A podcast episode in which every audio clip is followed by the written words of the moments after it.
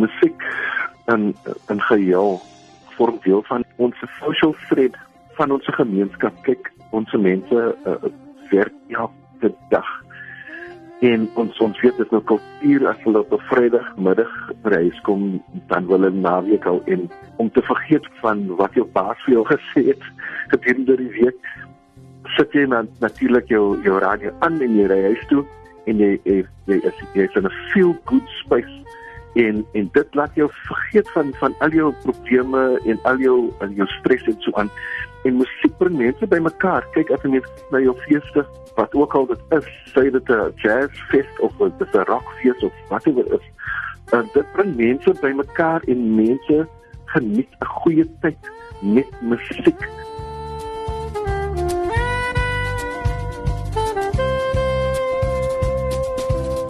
En as ons kyk musiek bevat dit bevat geskiedenis dit bevat uh, biologie dit bevat adreskunde dit is ook educational. So uh, as jy net kyk na jou skoolleere dan bevat musiek al daai soort van vakke wat hulle doen. Camilo en wat is die rol wat die Cape Music Institute speel om 'n sekse rol in die samelewing uit te bou? Ons uh, develop jong mense in music industry skills. So um, ons hoor dat kyk dit dit gaan nie net omtrent uh, speel of om op 'n verhoog te kom en agter jou instrumente sit en te speel nie. Daar's ander dinge wat agter die skerms gebeur. Verstaan soos byvoorbeeld die, die besigheidskant van musiek en die en die administratiewe kant van musiek wat mense nie eintlik van weet nie en dat dit eintlik soos ander instansies dit is 'n uh, bedryf wat 'n mens kan ingaan en mens kan uh, goed geld maak in hierdie bedryf en ons leer ons studente in performance in in tegnologie en in music business.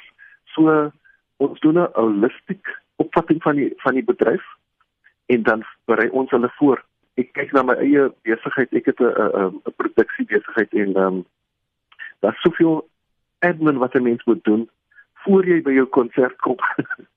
Verstaan? En en dit is wat ons probeer vir hulle leer om professioneel te word. En ons wil ook die stigma van van die van die musiekbedryf verwyder na so 'n stigma dat ehm um, musikante gebruik dwelms kante raak dronk um, op die verhoog.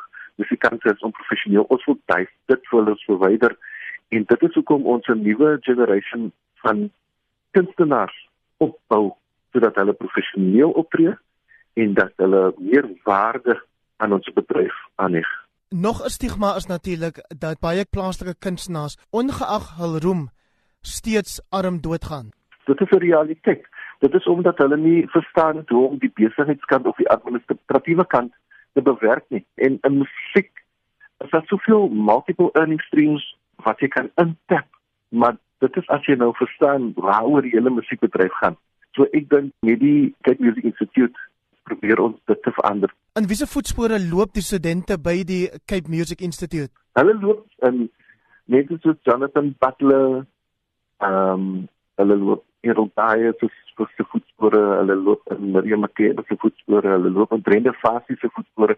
Kyk, die die Cape Music Institute studente word geleer om hulle eie liedjies te skryf. Ehm um, ons ons wil nie hê hulle moet soos byvoorbeeld cover artists bekom nie en American cover musiek doen nie.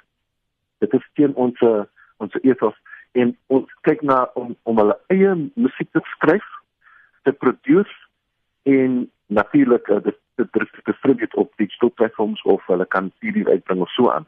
Maar ons kyk na 'n nuwe generation wat hulle eie musiek doen en dat ons die musiek na die next level toe sal neem. Kan jy vir ons 'n voorsmaakie gee van die soort musiek? Die song se naam is Pontiac 45.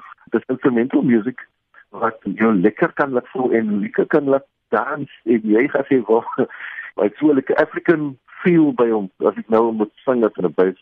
Dum dum